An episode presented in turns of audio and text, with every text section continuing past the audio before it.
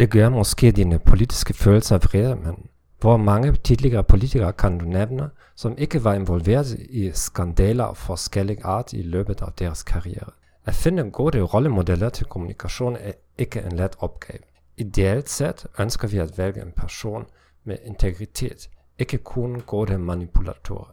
Hvis du har familiemedlemmer der både er meget gode kommunikatorer og som har integritet, er det vidunderligt. Jeg vil i hvert fall foreslå deg å finne rollemodeller i tekster, både i religiøse tekster, det avhenger av din religion, og i klassisk litteratur, især i teaterstykker. Hvorfor?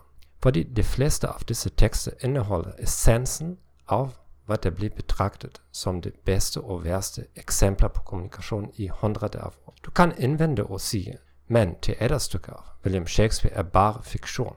Hvordan kan fiksjonen hjelpe oss med å forme vår atferd? Nå, det gjør den allerede. Enhver plan du har, det nyttårsforsett, reiseplan, ukentlige arbeidsplan osv. er fullstendig fiktive. Det er ikke noe riktig ennå. Det er kun i ditt hode eller din sjefs hode. Men hvis du ser deg omkring, blir en del ting gjort inspirert av ideer.